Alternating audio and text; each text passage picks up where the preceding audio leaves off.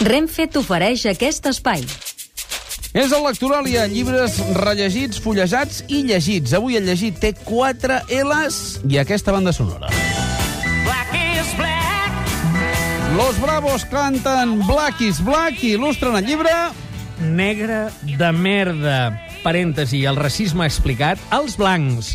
Un gran llibre de Matthew Tree, acaba de sortir a columna. Ens en va parlar molt bé la Patricia Gavancho. És una història... eh, A veure, és un llibre documental i eh, hi trobarem la història raonada i documentada del naixement del racisme com a teoria per part de la majoria occidental blanca, diguem. El que passa és que en Matthew Tree, com ja ha fet en altres llibres, eh, La vida després de Déu, sobre la religió, La puta feina, sobre explotació laboral, no només es documenta i fa el que seria un assaig a l'ús, sinó que introdueix, com a bon narrador que és, diguem, episodis personals, no? I aleshores, eh, alguns d'ells, clar, són anècdotes que t'estiren, que fa que ho llegeixis com qui llegeix unes narracions, un relat, una novel·la, i per posar-te'n només un exemple, hi ha una vivència d'ell amb un amic seu, eh, negre, eh, a Londres, quan ell tenia 17 anys i tot això, i que, que està per allà, i, i van passejant, i veu que passa un tio, un, un tio d'aquests amb corbata de la City de Londres, i se'l queda mirant i li diu negre de merda, eh? És a dir, uh, fucking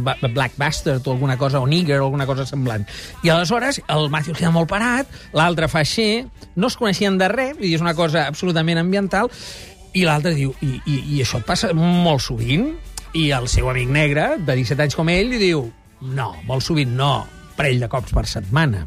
I clar, l'altre diu, hòstia, jo que mm, diguem, tinc els mateixos referents culturals que aquest tio que va amb mi, eh, que em considero un igual, eh, aquest tio resulta que no en sabia res, no? Diguem, Bé, a partir d'aquí, òbviament, el que hi ha és un treball de, diguem, d'histori- d'historiar on- d'on venen les teories que feien doncs, que des de la colonització es considerés que l'home blanc doncs, tenia eh, uns valors fins i tot mèdicament o psicològicament superiors, no? Uh -huh. O físicament, com sabem, i eh, està... Físicament que sabem que no que són no, així. és a dir, que, és, que és pràcticament el contrari. que s'ha anat desmentint, diguem, a còpia de, de, de, de l'experiència. Bé, en tot cas, un llibre molt recomanable perquè eh, combina, com deia, la narració d'uns fets amb la documentació d'aquests, sense excloure que, evidentment, altres comunitats racials no blanques també generen racisme, ni que sigui defensiu, contra eh, d'altres minories, no? Mots clau.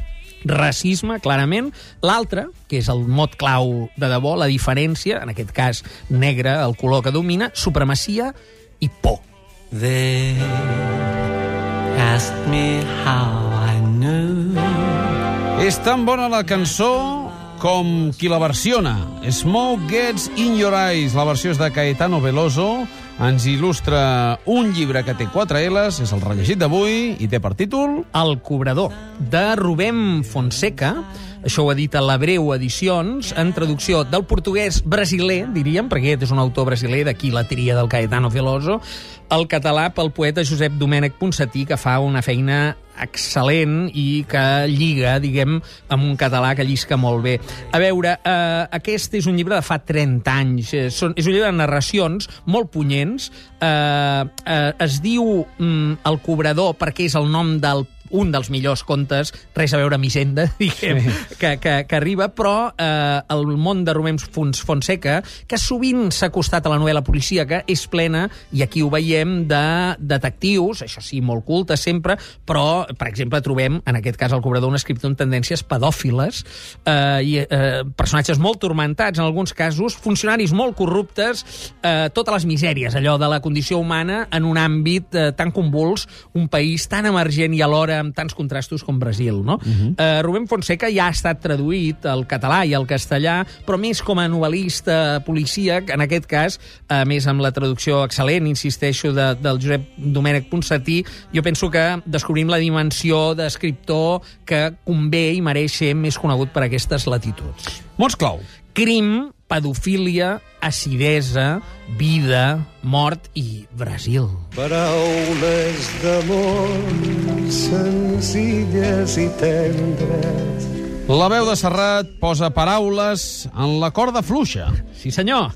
Aquest és el títol del llibre fullejat avui. Bé, fullejar-lo és llegir-lo, és un llibre molt breu, eh, molt amè. És del professor Jesús Tuson, eh, d'aquí hem llegit un munt d'assajos, sempre amb la llengua com a eix eh, vertebrador. Aquest és el primer llibre que edita amb una editorial que jo penso que mereix també una certa glossa, un, materi- eh, un cert comentari.